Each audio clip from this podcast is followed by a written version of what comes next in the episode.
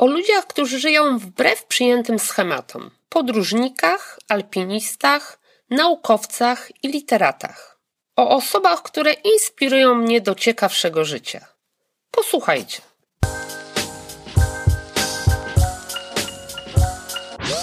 Cześć, jestem Magda. A ty właśnie słuchasz dźwiękowej wersji mojego bloga magdablog.pl. Zaczynamy! Normalnie inaczej. Zwykle inaczej wyglądają. Ubrani pomysłowo i osobliwie. Wyszukane oryginalne dodatki, torby, fryzury, biżuteria uzupełniają ich wizerunek. Inni wręcz odwrotnie.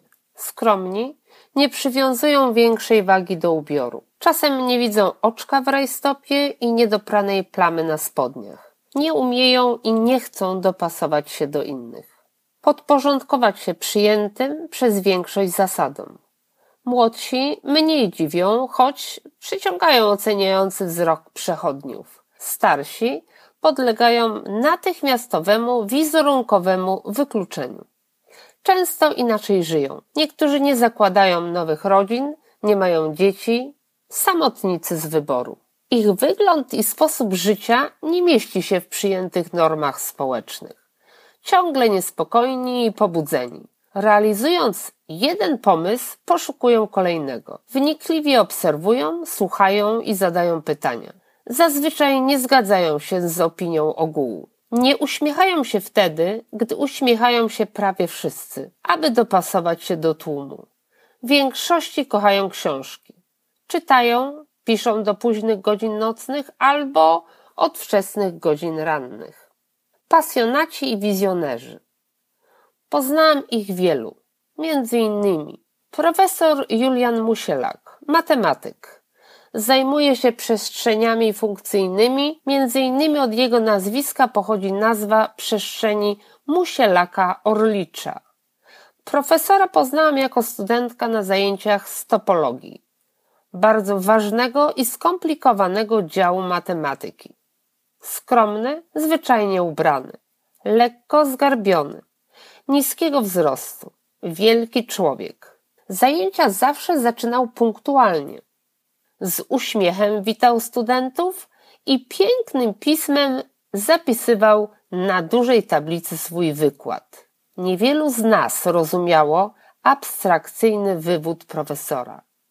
Jednak wdzięk, kultura i pasja, z jaką to robił, nie pozwalała nikomu jakkolwiek to okazać. Miałam wrażenie, że słucham opowieści o najukochańszej kobiecie.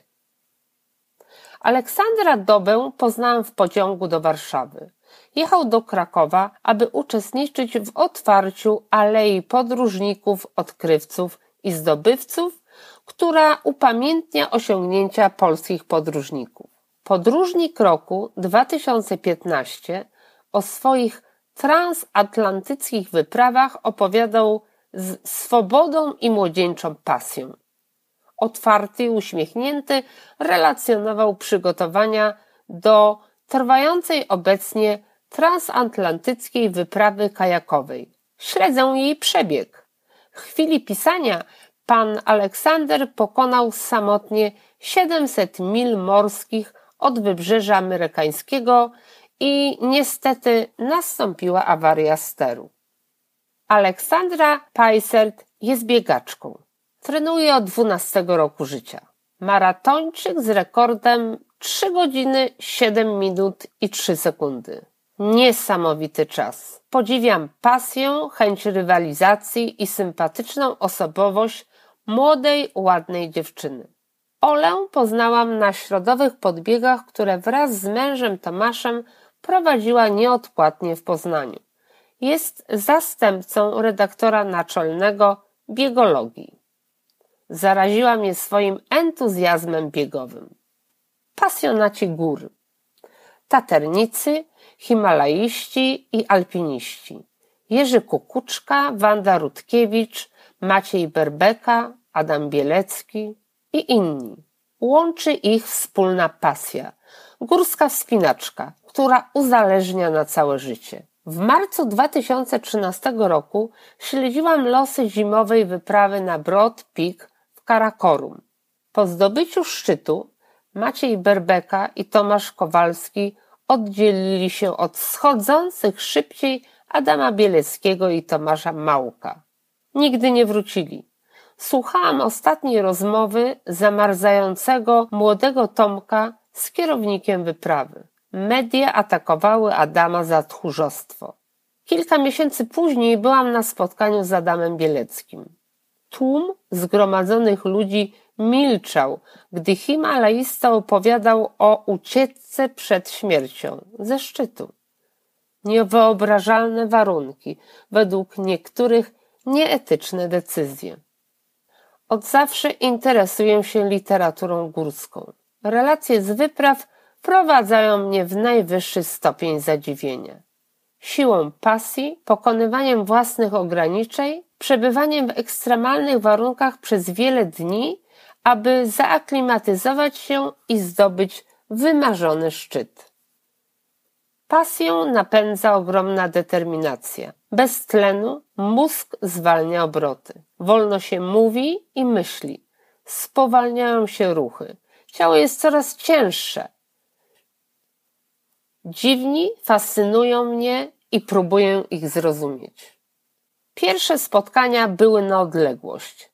Poznawałam Zakopane z moją mamą, Muzeum Tatrzańskie, cmentarz na Pęksowym Brzysku, Harenda i wjazd kolejką na Gubałówkę.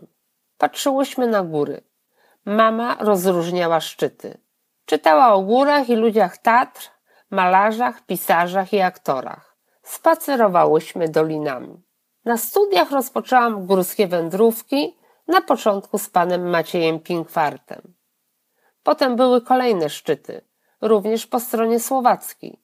Coś coraz silniej pchało mnie do góry. Z klubu halnego Politechniki Poznańskiej wyjechałam na pierwsze wspinaczki. Bez zabezpieczeń, dzięki drabinkom i łańcuchom zdobywałam zawrat, rysy, gerlach. Z moją koleżanką tancerką zorganizowałam wyjazd naszych uczniów do Zakopanego na Międzynarodowy Festiwal Ziem Górskich.